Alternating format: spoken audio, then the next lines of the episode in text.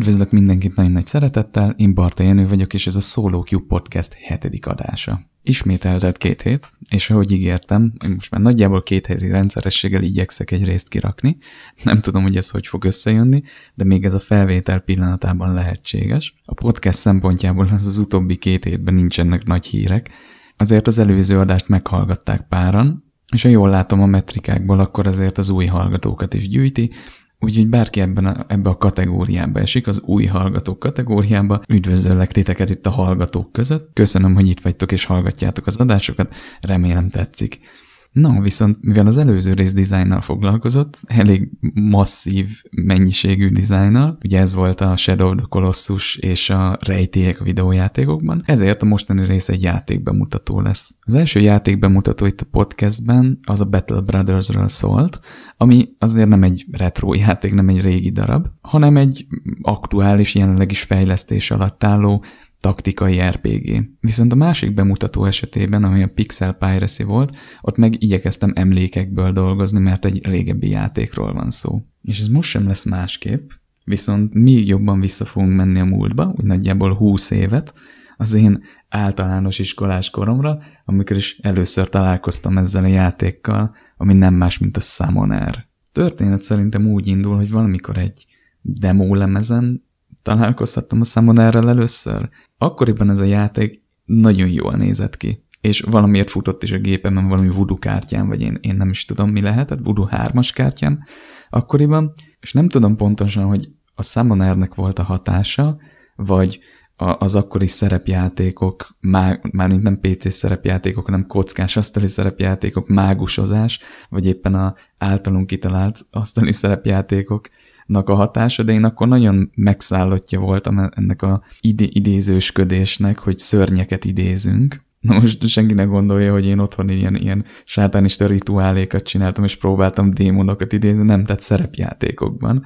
Hogyha karaktert kellett csinálni, akkor mindig valamiféle ilyen idéző voltam, de én emlékszem, én korszakaim voltak, mert először a tolvaj volt, ami, ami állandóan beakadt, az lehet, hogy a TIF játékok miatt, és lehet a Summoner miatt jöttek az idézők, de valahogy arra emlékszem ebből a korból, hogy nagyon bejött ez a téma. És hát vagy ezzel, ezzel volt párhuzamban a Summoner, hogy, hogy nagyon bejött ez a téma, vagy ugye ez a játék nyitotta fel a szememet, hogy a, a mágiának ezen brencséhez nagyon is vonzódom, viszont bármelyik is volt, hát szerelem volt első látásra. De nem csak az alapfelütése miatt, hanem ahogy az legelején említettem a grafikája miatt is, mert tényleg lenyűgözően nézett ki akkor. Na de mikor is volt ez az akkor? A Summoner Európában 2002 áprilisában jött ki, és megmondom őszintén, nem tudom, hogy a hazai gaming lapok, amik úgy általában CD mellékletekkel jelentek meg, mennyire követték le pontosan akkor a megjelenéseket, vagy ezeket a demókat mennyire tudták hamar terjeszteni,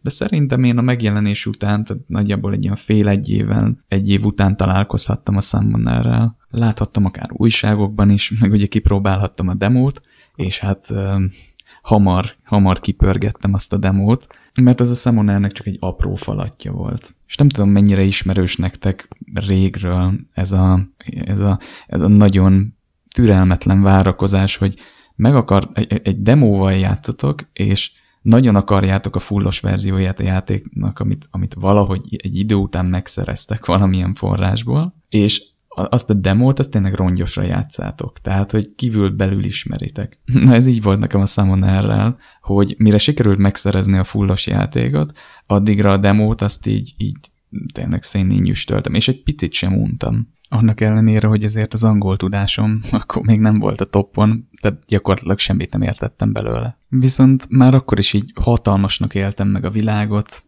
végtelennek a lehetőségeket, nagyon élő volt a város, minden olyan sötét volt, atmoszférikus, meg a, meg a zenék, zenéket is imádtam. Viszont még nem is beszéltünk róla, hogy tulajdonképpen mi is ez a játék, a Summoner. Előjáróban legyen elég annyi róla, hogy ez egy RPG, szerepjáték, és ezért 2002-ben fogalmazzunk úgy, volt egy kis konkurenciája ilyen játékok jelentek meg, vagy váltak elérhetővé, mint a Jedi Outcast, a Blood Rain, a Morrowind, úristen, a Morrowind is mennyire jó volt, ugye az, ugye az is egy RPG vele egy ligában, de akár ott volt a Hitman 2, vagy mondjuk a Sprinter Cell, vagy mondjuk nem beszélve a Vice City-ről. Szerintem ezekről a játékokról már mindenki hallott, és felmerül a kérdés, hogy hogy rúghatott labdába a Summoner ezek között. Egyrészt hogyha az én esetemet nézzük, nem kellett labdába rugnia, mert végtelen időm volt játszani, és megfértek ezek a játékok egymás mellett, és tudtam velük párhuzamosan is játszani, vagy egymás után, tehát hogy, hogy nem kellett így tologatnom az időt, hogy most éppen mivel fogok játszani, meg a játékok között azért már volt egy verseny a figyelemért, de még nem olyan hatalmas, mint ma. Viszont azt is érdemes látni, hogy a Summoner az van olyan jó játék, és nem csak az RPG-k spektrumában, mint amiket most felsoroltam az előbb. Viszont, hogyha most az RPG-k, a szerepjátékoknak a, a területére szorítkozunk, akkor, akkor 2002-ben azért már láttunk pár dolgot. Tehát ugye ott, volt, ott van a Morrowind, ami azért egy mérföldkő volt. De ott van például a Gothic, vagy, vagy ott vannak a régebbi ilyen CRPG jellegű játékok, mint a Baldur's Gate. De akár mondhatnánk a Dungeon Siege-et. Szóval az a lényeg, hogy az RPG stíluson belül is azért már volt egy szép nagy játéktér. Viszont a Summoner ezek között egy elég különleges darab volt. Stílust ugyan nem teremtett, de azért volt pár újítás benne, ami így, így elkülönítette a versenytársaitól. Azt, hogy mik voltak ezek, azt majd később részletezem, amikor majd mélyebben beszélünk a játékról. Előjáróban annyi, hogy azért is lehettek benne különleges ötletek, mert maguk a fejlesztők azok eléggé idegenek voltak a, az RPG stílustól, amikor elkezdték ezt a játékot fejleszteni. Na de, ne szaladjunk ennyire előre, viszont ha már itt tartunk, azért beszéljünk a fejlesztőkről és az ő történetükről. A Summonert a Volition fejlesztette, viszont elég régre nyúlik vissza az ő történetük, hát relatív régre, 1993-ban, amikor még Parallax szoftver néven alapították a céget. Most nevekbe, meg, meg nagyon részletesen az ő történetükbe nem fogok belemenni, de azért a fontosabb mérföldköveket megemlítem. Parallax Software elkezdett egy Inferno Project nevezetű játékot fejleszteni, és ez az akkori Apogee-nek pitchelték, tehát ott nekik akarták eladni, és ez sikeres is volt, mert az Apogee elkezdte őket támogatni, de mivel 7 hónapja készült már a játék, és csak egy prototípus volt, ezért kiálltak mögülük. Ez is érdekes, ugye még akkoriban azért nem volt olyan hosszú egy fejlesztési idő, és ez a 7 hónap ma, ma már azért kevésnek tűnik, de akkor még azért sok volt. Viszont az, hogy kiálltak mögülük, az egy érdekes szituáció volt, mert lett pénz, tehát náluk maradt a pénz, és volt egy egész korrekt prototípusuk. Szóval ez egy ilyen érdekes dolog volt, hogy gyakorlatilag az Apogee így ott hagyta őket, legalábbis így az információk szerint, amit össze tudtam gyűjteni, úgyhogy ö, folytatták az útjukat, mégpedig azzal, hogy kerestek egy másik kiadót, aki majd pénzelheti őket, és ez, volt, ez nem más volt, mint az Interplay. Viszont az Interplay-nél is elapadt a pénz, mert ők is egy, egy fix összeget adtak nekik, valamiért nem kértek utána tőlük pénzt, amikor elapadt, mert nem akartak gyengének tűnni, és az alapító, két alapító kezdte el a megmaradt pénzét beletolni a projektbe. Amúgy ez egy olyan furcsa dolog, mármint egy érdekes dolog, hogy játékfejlesztésben annyiszor van ez, hogy maguk az alapítók kezdik el beletolni gyakorlatilag a életük megtakarításait. Most nemrég a No Man's Sky kapcsán olvastam, hogy a, a Sean Murray, a Hello Games-nek a alapítója, vezetője is a házát adta el, hogy be tudják fejezni a projektet. Szóval érdekes, én így el sem tudom képzelni, hogy hogy vetemednek erre a döntésre az emberek, de mindenképp érdekes. Amúgy egy elég pici cég volt, és például nem volt tesztelőjük, nem volt kúásuk, ezért náluk mindenki tesztelt, és ezért ez eléggé lelassította a munkájukat. Végül 450 ezer dollár elfogyasztása után 1995 márciusában megjelent a Descent, ami ugye az Inferno projekt volt, és ezért szerintem a Descentet senkinek sem kell bemutatni, aki 95 környékén gamer volt, játszogatott, mert azért egy mérföldkő volt. Tehát ugye ez 1995 volt, és 98-ban, három évvel később jött a Half-Life, a Fallout 2, a Starcraft, vagy egy évvel jártunk még a Duke Nukem 3D előtt, vagy a Diablo előtt, és ez egy full 3D-s ilyen szobákban, tehát egy ilyen belső terekben ilyen repkedős, egy űrhajóval repkedős, lövöldözős játék volt, ami a maga korában fantasztikusan fluid volt, és, és gyönyörűen nézett ki. Hát ez a játék az gyakorlatilag joystickra született, és van még egy nagyon régi emlékem általános iskolából, amikor édesapámmal az IFA-bón, a Budapest expo az IFA-bón állok, és, és látok egy joystickot, amiből így ki lehet venni így magát a markolatot, és ez a markolat ugye vitte magával a kábelt, és hogy mozgatta össze-vissza a kezében a, a srác, aki ezt demózta, ezt a joystick markolatot, ugye így szabadon levegőben, a descentben úgy fordult az űrhajó, és nyomott egy gombot, akkor meg így előre ment, és akkor így össze-vissza hadonászott vele, és így manőverezett a levegőbe, hát én teljesen, teljesen ledobta az, agyot, az agyam az égszíjat. Szóval hát egy, egy nagyon komoly játék volt, mai napig örömmel emlékszek vissza rá. Na de amikor kiadták a Descentet, ami egyébként nagy siker lett, pénzügyileg is, meg kritikailag is, így jött volna a, a CD változat jobb grafikával, audióval, tartalommal, de végül az Descent 2-ként adták ki, ami, ami szintén egy nagy siker lett. Aztán bizonyos okok miatt ketté vált a cég, 97-ben hivatalosan Outrage-re és Volition-re. Ismét nem akarok a részletekbe belemenni, de ha jól tudom, akkor az alapítók között volt valami probléma. Viszont mind a ketten az Interplay-nél maradtak. Aztán már a Volition színeiben elkezdték fejleszteni a Free Space-t, ami szintén egy olyan játék volt, ami eljutott hozzám. Gyakorlatilag egy, egy Descent volt az űrben. Azért már ez egy modernebb játék volt, és azért elég sokat tudott. Egy ilyen nagyon jó dogfight jellegű űrös lövöldözős játék volt. Korán sem tudott annyit, mint most egy, egy elit, vagy akár régen egy elit, de jóval többet tudott, mint mondjuk egy Rebel Galaxy Outlaw. Szóval egy nagyon jó kis űrhajós lövöldözős játék volt, viszont az volt a probléma vele, hogy valamiféle unortodox esemény miatt az Interplay-nél elmaradt a marketingje, és ezért nem lett valami nagy siker. Aztán egyébként a Volition-nél készült egy Tube Racer nevű játék, amit végül lelőttek, tehát ez nem készült el, és párhuzamosan fejlesztették a Descent 3-at az Outrage-nél, a Descent 4-et meg a Volition-nél. És hát ugye a Descent 4 környékén történt az, hogy az Interplay-nek pénzügyi gondjai akadtak, és valamilyen közös megegyezés nyomán a, a kiadó, az Interplay és ugye a fejlesztők, a Volition így elváltak egymástól, viszont ez egy olyan kényelmetlen szituációt szült, hogy a, Volition-nél ott volt a Descent 4, hát nem is félkész állapotban, de azért már egy valamiféle készültségi szinten, viszont nem tudták kiadni a játékot Descent 4 néven, mert a jogok viszont az Inter- Interplay-nél maradtak. Ettől függetlenül ügyesen megoldották, mert újrahasznosították a játéknak az asszetjeit, és így született meg a Red Faction ami egy ilyen marsos, lázadós, pusztítható környezetes FPS, az volt benne a nagy újítás, mint játékban, hogy azért elég sok rombolható környezeti elem volt benne, és ezt egyébként a Red Faction széria meg is tartotta. Tehát a későbbi részekben, ahol már tényleg mindent le lehet rombolni, ez azért egész fun.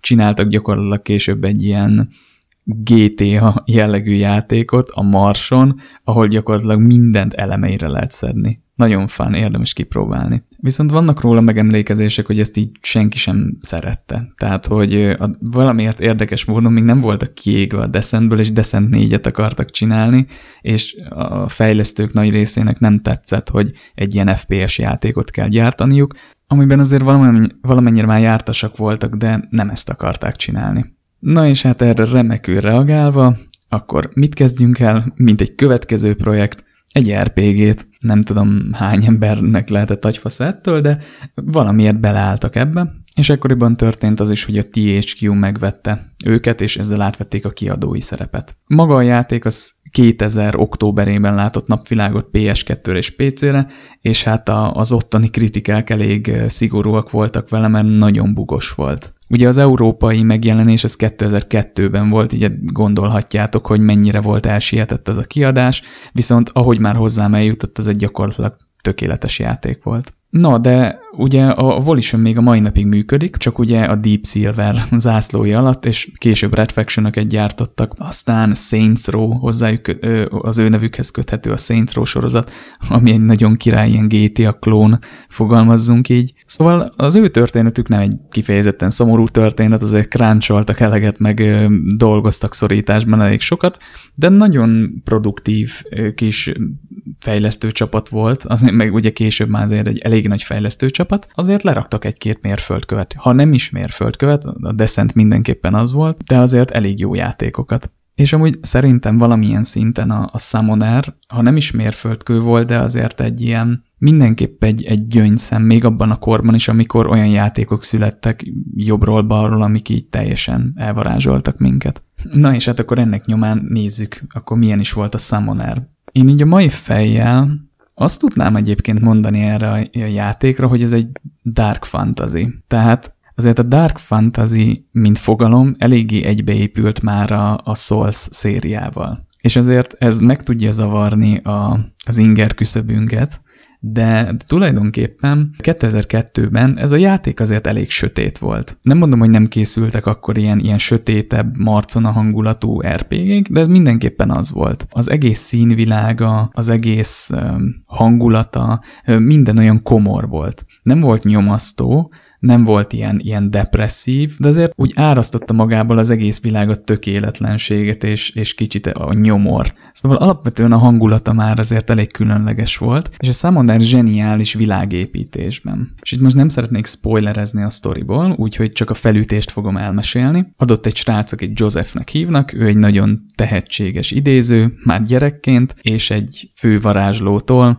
kap egy gyűrűt, The Ring of Darkness, innen már sejthető egyébként, hogy a Ring of Darkness nem egy, nem egy pozitív tárgy, ha hiszitek, hanem ez nem így van, mert a, a Summonernek a világában az, hogy most Darkness, az egy elemet jelent, tehát a, a Ring of Darkness az egy ugyanolyan gyűrű, mint a Ring of Water, Ring of Fire, Earth, csak ez a sötétség, vagy mint a Ring of Light. Itt nem feltétlenül a, a, a gonoszra kell belőle asszociálni, szóval kap egy ilyen gyűrűt, ez még tovább növeli az erejét, és úgy gondolja, hogy a, az ő kis faluját megvédi majd minden bajtól, ezért egy remek ötletet támad, hogy megidéz egy óriási démont, ami majd megvédi a falut. Csak hát akkorára sikerül ez a démon, hogy nem megvédi a falut, hanem elszabdul, és kinyír mindenkit, kivéve őt, és hát mit csinál ilyenkor egy, egy, egy józan gondolkodású és egy megfontolt ember, fogja a gyűrűt és bedobja egy kútba, és elszalad, világgá megy. Most Josephünk ugye miután világgá ment, évekkel később abba a fal, az a falu, ahol él, megtámadják azt is, valamiféle különleges, kicsit ilyen keleties öltözetű katonák, és egy ilyen démoni lovas, és hát innen kell Innen indul maga a történet, hogy ki kell derítenie, hogy kik támadták meg, és Jágóhoz kell eljutnunk a varázslóhoz, aki egyébként a Ring of Darkness-t adta nekünk. Szóval innen indul a történet. Ez egyébként egy, most egy kicsit ilyen, nem tudom, komolytalanul meséltem el, de nagyon jó felütése van, és egyébként a történet minden egyes elemének megvan a háttere, és ezekre a hátterekre egyébként a, a egész játék sztoria zseniális csavarokkal épít. Szóval maga a felütés, a hangulat az így nagyon jól átadja a világot, de még apró részletekben is nagyon figyeltek tényleg a, a tudatos világépítésre. Például, ahogy az emberekkel beszélsz, olyan szavakat használnak, mint sértések, vagy, vagy ilyen egyszerű hétköznapi szavak helyett, amik csak ebben a világban jellemzők. Angolul beszélnek, tehát érted, miről beszélnek, de csomó szó be van helyettesítve, így a Summoner világában használatos szavakkal. Mai napig emlékszem párra. Valamint egy 2002-es játék kapcsán nekem nagyon meglepő volt akkor, hogy milyen finomsággal voltak ki, kidolgozva az ilyen in-game cutscene-ek. Tehát ezek ilyen belső engine-es cutscene tehát gyakorlatilag olyan, mint hogyha így a, ugye a játék grafikájával történnek, viszont a mozgások, a mimikák tök szépen ki voltak dolgozva. Tehát ha egy akkori játékhoz például a Vice City-hez hasonlítom, ahhoz képest sokkal szebbek és kidolgozottabbak voltak. És hát ugye említettem, hogy Dark Fantasy. Azért, ha megnéztek róla egy videót, meghallgatjátok a zenéket, akkor érzitek szerintem majd jogos a Dark Fantasy besorolás. Most így a sztoriról, meg így, így a, a világról, hangulatról át branchelve egy kicsit, de, de azért még helyben maradva, érdemes beszélni a karakterekről.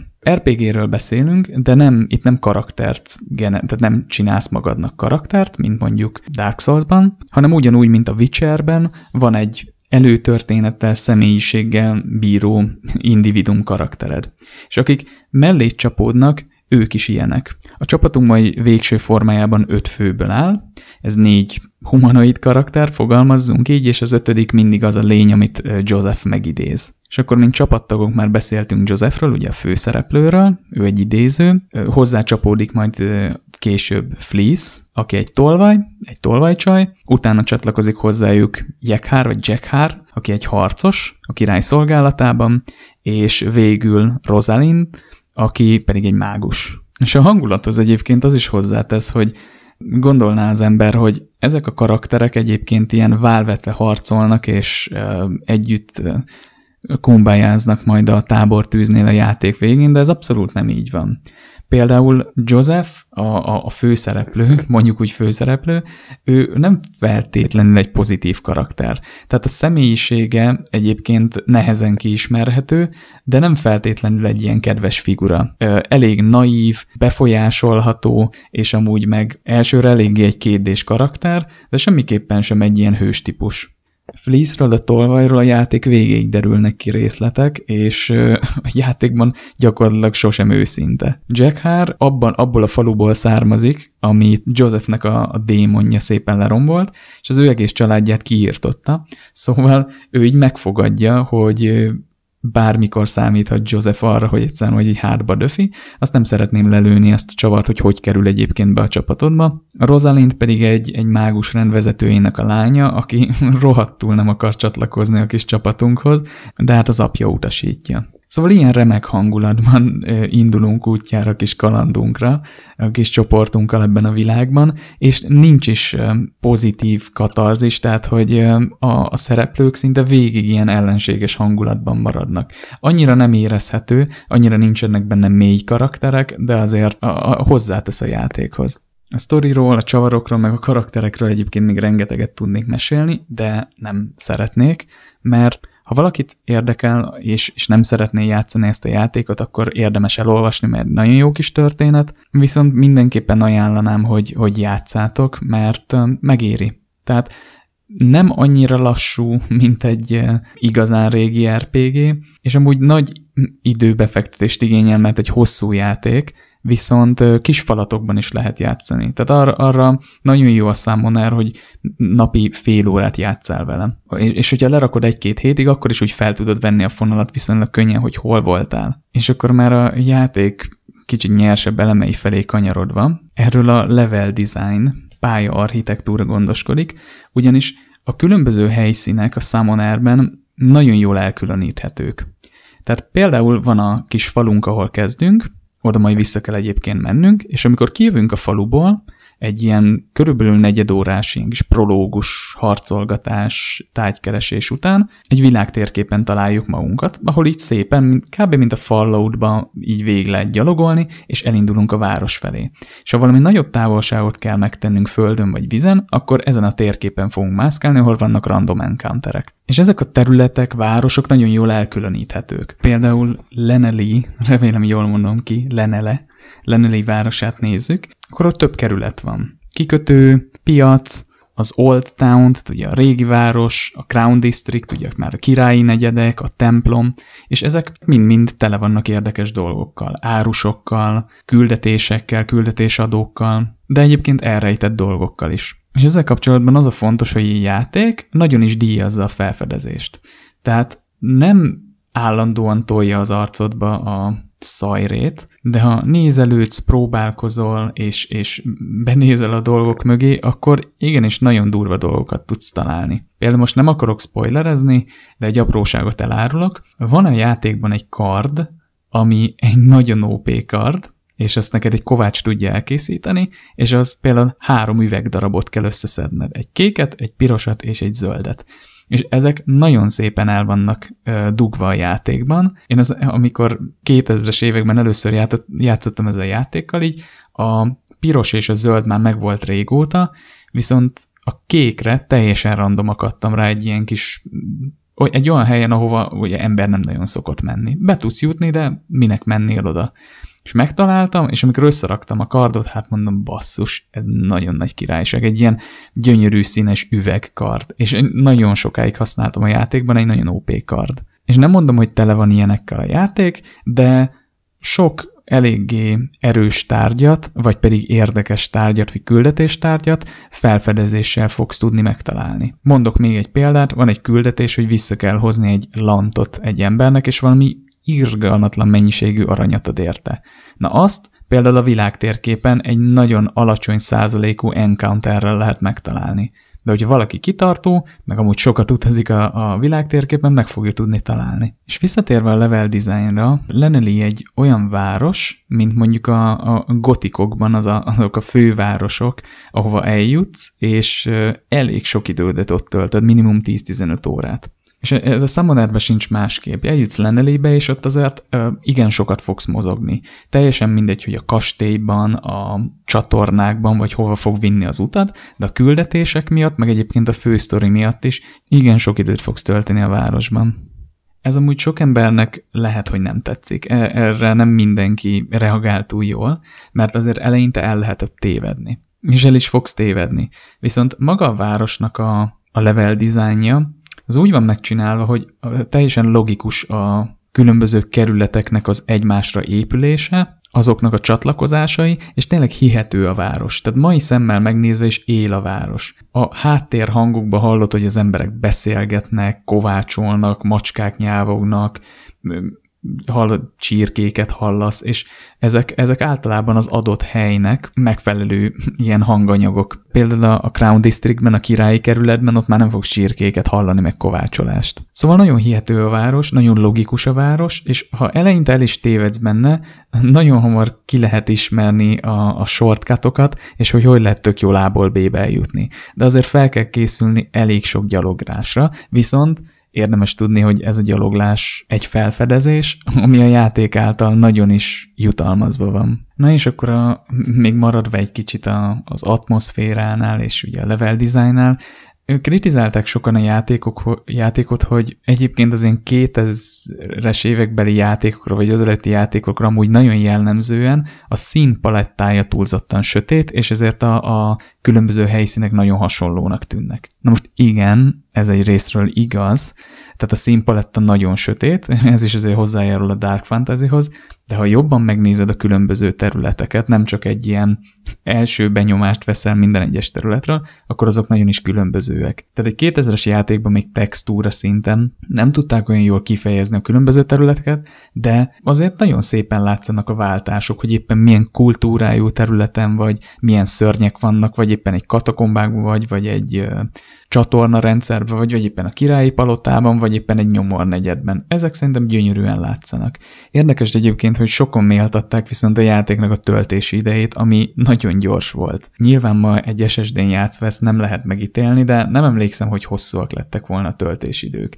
Elleme például vannak játékok, régi játékok, amiről hírhetten rohadt hosszúak voltak a töltésidők, Szóval le vannak választva egymástól a területek, vannak töltő, töltőképernyők, de ezek gyors töltőképernyők régen is azok voltak, így a visszaemlékezések szerint, és maguk a területek meg óriásiak. Például a Leneli csatornák, vagy éppen a játék elején még majd egy katakombákba is eljut, tényleg egy órát simán el lehet bóklászni ezeken a területeken. Sajnos amúgy az első dungeonökbe többször vissza kell menni, és ez a, ez a óriási mi voltuk, egy idő után hátrányuk is lesz, mivel azért van egy egészséges backtracking a játékban, meg ugye, ahogy említettem, Lenelibe is ezért sokat kell mászkálni, és ha elvégzel például egy küldetést, vagy, vagy megtalálod például a lantot a térképen, vagy bármi, bárhol máshol megcsinálsz egy küldetést, van, hogy a negyedik kerületbe kell visszamenni, negyedik kerület, tehát kívülről kezdve a negyedik belső kerületbe kell bemenned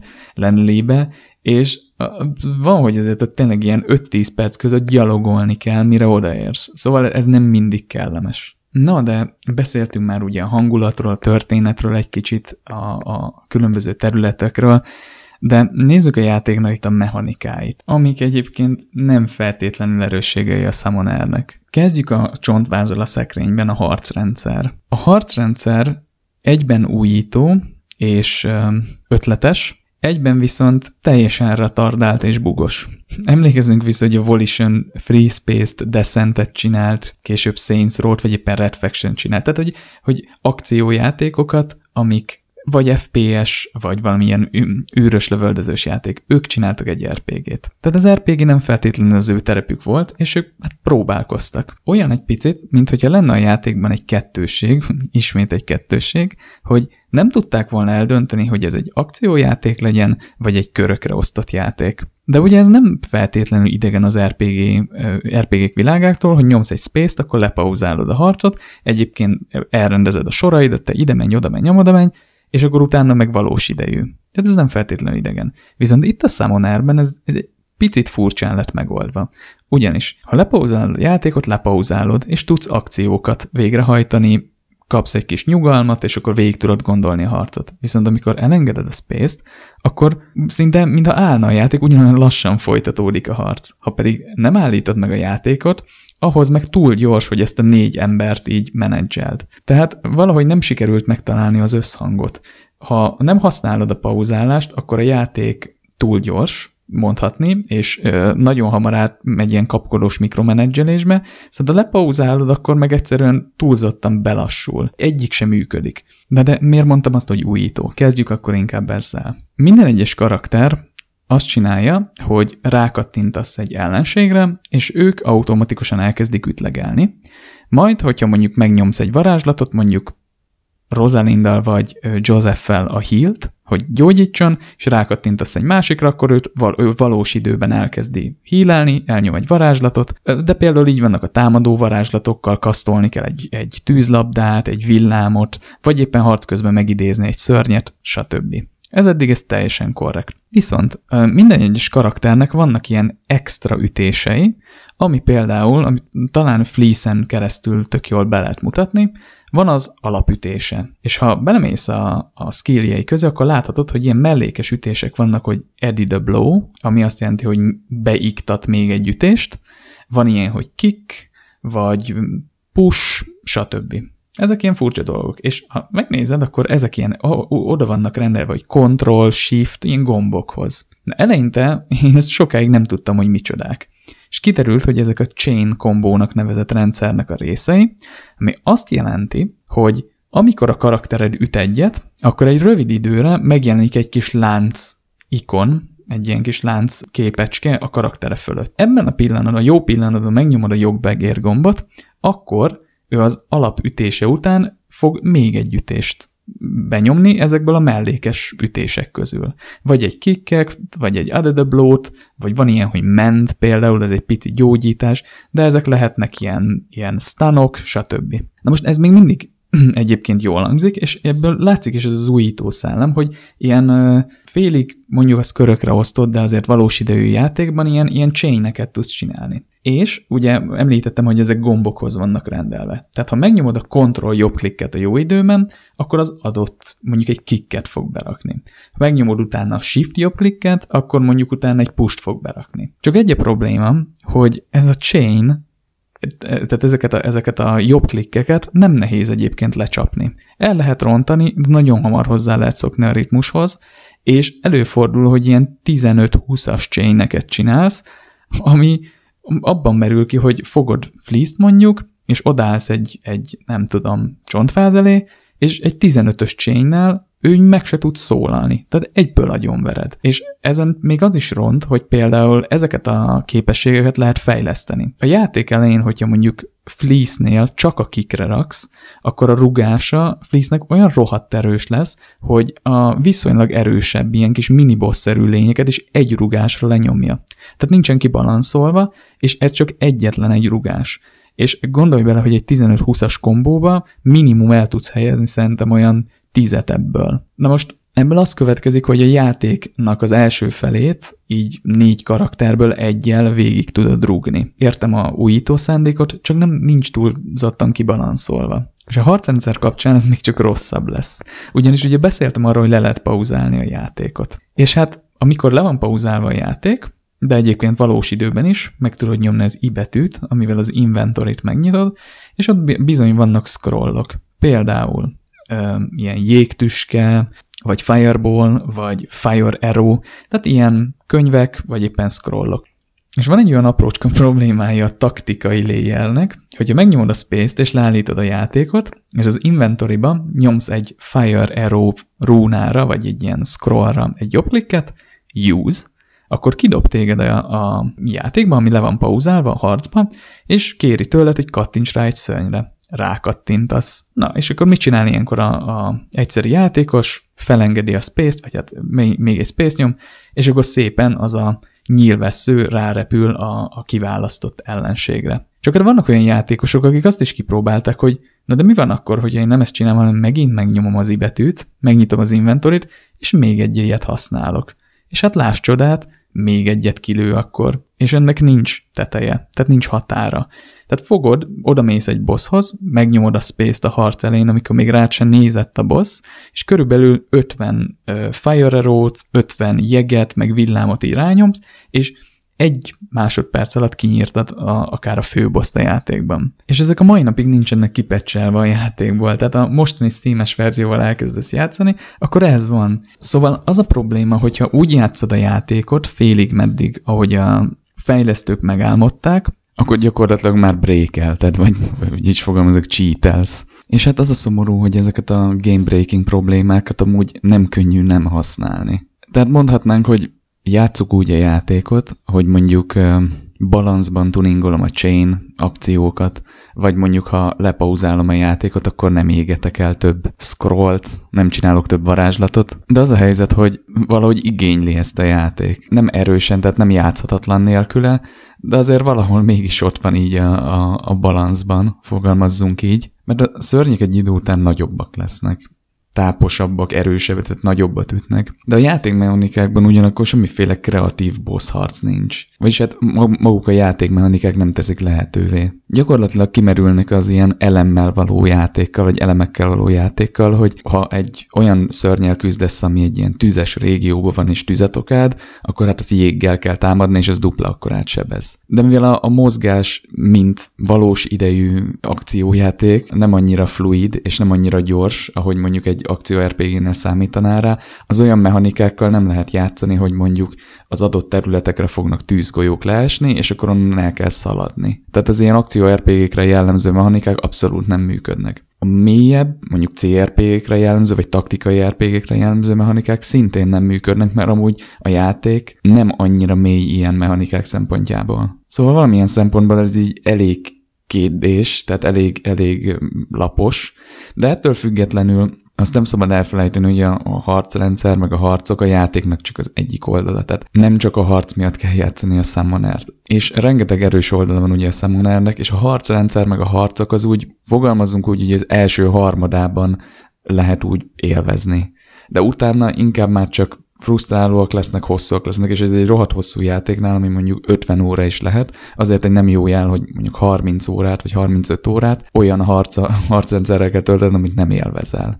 De amúgy ez sem feltétlenül igaz, mert ebbe azért beilleszkednek olyan szörnyek, vagy olyan harci szituációk, ahol azért lehet ezzel játszani. De általánosságban sajnos ez az igazság. Tehát ez, az, ez a harcrendszer azért újító, és próbált innovatív lenni, de nem működik olyan jól, hogy ezt, ezt tényleg taktikusnak, vagy éppen fluidnak érezd. Tehát nem elég mély egy taktikai RPG-hez, és nem elég gyors egy akció RPG-hez. Na de nagyjából ennyi a harcról, és azért van még pár játékmechanikai elem, amit, amiről érdemes beszélni, amik sajnos szintén nem a, a pozitív részt erősítik. Na ilyen például a lopakodás. Ha jól emlékszem, vagy legalábbis ameddig eljutottam a játékban, két lopakodós rész van. Mind a kettő ugye a tolvajunk feladata, a fleece és mind a, kett, mind a két esetben szólóban kell vele lopakodni. Most nem fogok sztorit spoilerezni, hogy milyen kontextusban, de az a lényeg, hogy A-ból B-be be kell lopakodni. Ezek a részek nem jók. Nem azért, mert a lopakodós részek annyira nehézre lennének megkoreografálva, mondjuk egy kommandos játéknál, hanem azért, mert a játéknak más aspektusai egyszerűen megnehezítik. Na most akkor itt tekintsünk egy, egy szárazabb játék elemre, a kamerára. A kamera egyszerűen néha borzalmas. Az alapvető probléma vele, hogy sokszor nem lehet előre nézni, tehát hogy nem látsz előre. Úgy, úgy látod a, a karaktereket, mint hogyha nem is tökéletesen fölülről néznéd, hanem egy picit így oldalról. De a kameraszög az pont annyira fura, vagy ilyen, ilyen felülről beeső, hogy nem látod, hogy mi van előtted. És egy lopakodós résznél, ahol látnod kéne, hogy hogy mozognak az őrök, ez iszonyatosan frusztráló tud lenni. Nem mindig ilyen a kamera, hanem amikor így előre megindulsz, akkor egyébként szépen így beáll mögéd, és előre néz. Viszont a lopakodós részek azok pont nem arról szólnak, hogy elkezdesz előre rohan, rohanni, hogy láss, aztán így hirtelen megállsz. Tehát ott nagyon kellemetlen tud lenni ez a kameramozgás. És Alapvetően a kamerának van egy olyan tulajdonsága is, hogy ilyen van rajta egy, egy delay, tehát hogy megnyomod a gombot, vagy elkezded húzni az egeret, és akkor így szép módszeresen kezd el elindulni. És hiába veszed fel az érzékenységét maximumra, az, az csak azt fogja eredményezni, hogy szép módszeresen elindul, aztán rohadt gyors lesz, és szép módszeresen megáll. Ér, értem én ezt az ilyen smooth, kicsit cinematik kamera kezelés, de itt például a lopakodós részeknél, meg általánosságban a játékban is rohadt idegesítő tud lenni. Tehát a kamerát nem találták el. És a lopakodós részek ezáltal borzasztóan frusztrálóak, olyan, mintha, nem tudom, Cat Mario-t játszanál, vagy valamilyen rohadék Mario klont, hogy mész, úgy is meghalsz, és akkor már tudod, hogy ott van egy csapda, és utána majd átugrod. Ugyanez van a lopakodós részeknél. Bárhol menthetsz, de a lopakodós részeknél egy-másfél óra azzal telik el, hogy így visszatöltögeted a játékot, mert hopp, itt van egy őr. És ráadásul, amikor visszatöltöd a játékot, nem ugyanott vannak az őrök, hanem így bekeveri őket. Tehát mire végigérsz egy ilyen részen, addigra kb. kívülről tudod, hol vannak az őrök, becsukott szemmel végig tudnál menni. És ez nagyon meg tudja akasztani a játékot. Az első ilyen, így kifejezetten a játék elején, az még úgy viszonylag egyszerű, de a második, amikor én ezzel találkoztam, ami már kb. 20 óra játékidő után van, na az, az egyszerűen idegörlő. És alapvetően a lopakodási rendszer sem feltétlenül van jól kidolgozva, mert a, a fleece, ugye a tolvajunk tud láthatatlan lenni. Tehát egy ilyen kamuflást magára rakni, és van egy olyan képesség, hogy backstab. Megint csak nem elég dinamikus hozzá a játék, nem elég gyors. És az a baj vele, hogy ha ráböksz a, a fleece arra, hogy szólóba akarsz menni, és előre mész, és így hárba döföd az embereket, az így tök jó tud lenni. Csak hát ugye a játék, tehát a Samonának a többi rendszere miatt, ugye ez a végtelen varázslatidézés, meg, meg az ilyen balanszolatlan chain skillek, miatt erre nincs szükséged. Tehát mindegyik ilyen skill az gyakorlatilag felesleges. És ez most furán fog hangzani, de mindezek ellenére amúgy az összhatás az nagyon érdekes. Nem rossz értelemben véve érdekes. Tényleg olyan, mintha egy, egy különleges rendszer működne az egész alatt, tehát érzed az innovációt, az újítani akarást, csak sajnos nem működnek teljesen jól, tehát nem, nem, nem működnek a mechanikák, ezért egy idő után így megtörnek.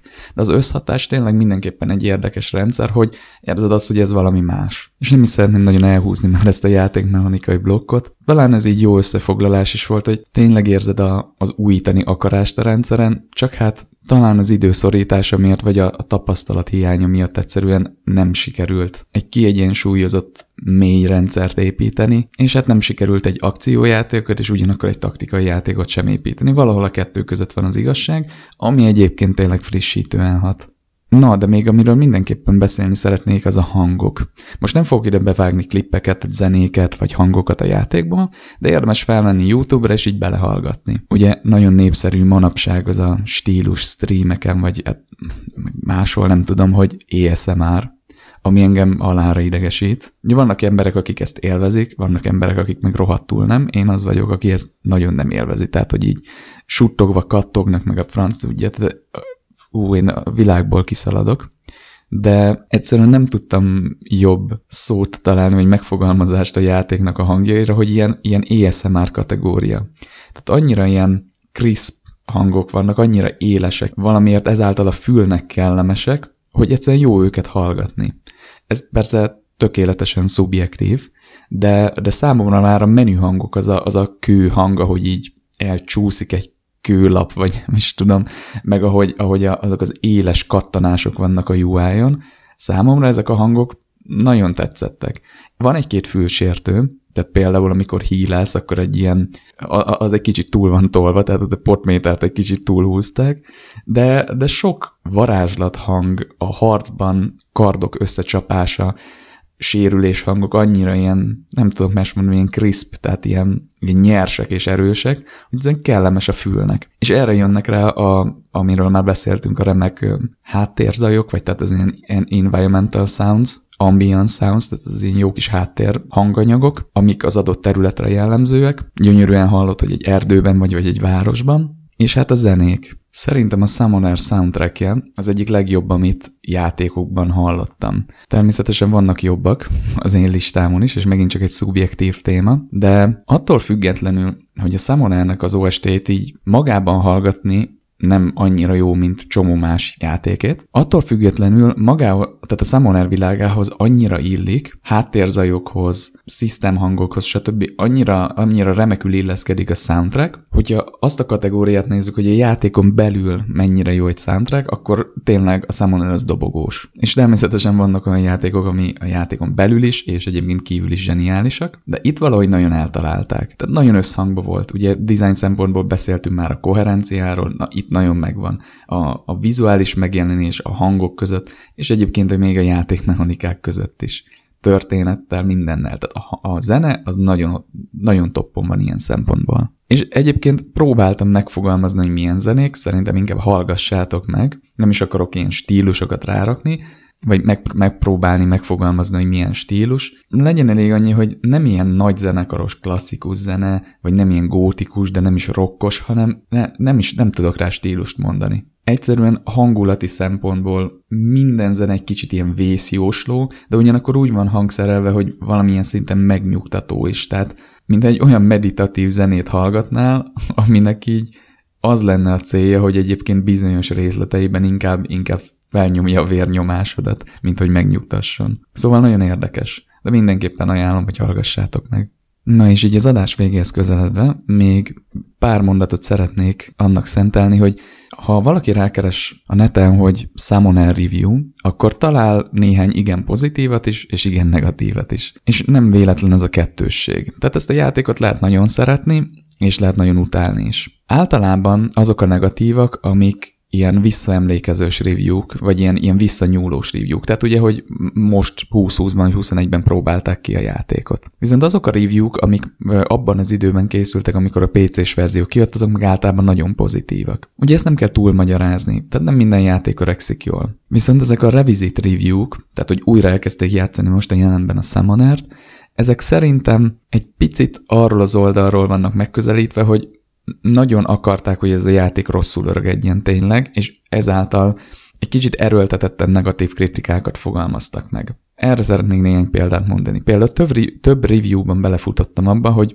felejthetőek a karakterek. Szerintem akkor nem felejthetőek a karakterek, hogyha mai napig emlékszem a nevükre. Tehát, hogy nem kellett utána néznem, hogy hogy is hívták a főszereplőt. A karakterek személyiség egy más kérdés. És a karakterek személyisége nem azért nem jön ki, mert rossz karakterek, vagy túl kétdések, vagy rosszul lettek volna megírva, hanem egyszerűen karakteralkotásban is van egy kettősség. Mégpedig, hogy nem szentelnek elég időt arra, hogy a karakterek egyébként így kibontakoztassák magukat. Nem adnak elég dialógust nekik, nem szólnak bele annyiszor a történetbe, de már az elejétől fogva érzed a karaktereknek így a személyiségét. És szerintem ez indokolja azt, hogy nem, nem feledhetőek a karakterek. Nagyon is jól meg vannak csinálva, csak nem szenteltek elég időt a narratív designerek annak, hogy, hogy tényleg kimutathassák a foguk fehérjét, tényleg azok a személyiségek megjelenjenek a játékban. Biztos vagyok benne, hogy az írók egyébként a karaktereket jól megírták, viszont a narratíva sajnos nem adott nekik elég teret. A másik pedig, amiben belefutottam, hogy gyenge a sztori. Na most nem kell egy ilyen grandiózus történetet elképzelni a Summoner alatt. Teljes mértékben az akkori standardnek megfelelő hollywoodi sztoriról van szó. De abból egy minőségi darab. Tehát mész a játékban, van egy küldetésed és elvárásod, és kihúzzák alólad a talajt. Tehát csavaros. Folyamatosan csavar egyet a játék a sztorin, vannak benne meglepetések, talán egy kicsit túl sok is, tehát néha már azt igényled így a sztoriban, hogy bárcsak az történne, amire számítanál, tehát nem, nem érzed előre a csavarokat, tehát visszautalva az előző részre, a, az információ komplexitás skáláján nincsen túl alacsonyan a rejtély, amit megélsz, de ugyanakkor sok van belőle, és már így tudod előre, hogy itt csavarni fognak egyet. De éppen ezért szerintem a történet jó, és egyébként a csavarok is jók, a, egész történetnek a kifutása is rendben van, szóval nem egy rossz történet ez. Sokkal jobbakat is láttunk már, de hát könyörgöm, hát 20 éves játékról beszélünk. Teljesen rendben van a mai napig. Szóval ennyi lett volna a számon erről.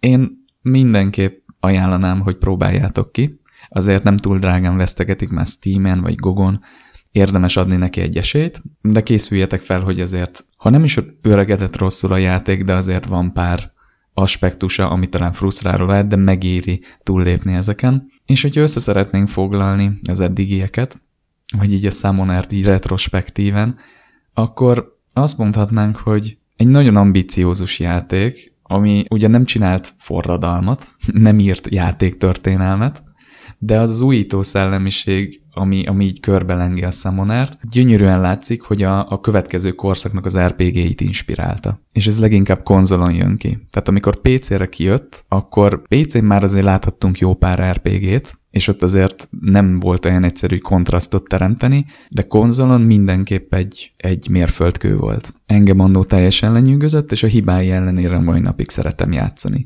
Egy tipikusan olyan játék a Summoner, amit, amit egész életemben elő fogok venni néha, és nagy örömmel fogok lemenni Lenelinek a csatornáiba újra és újra.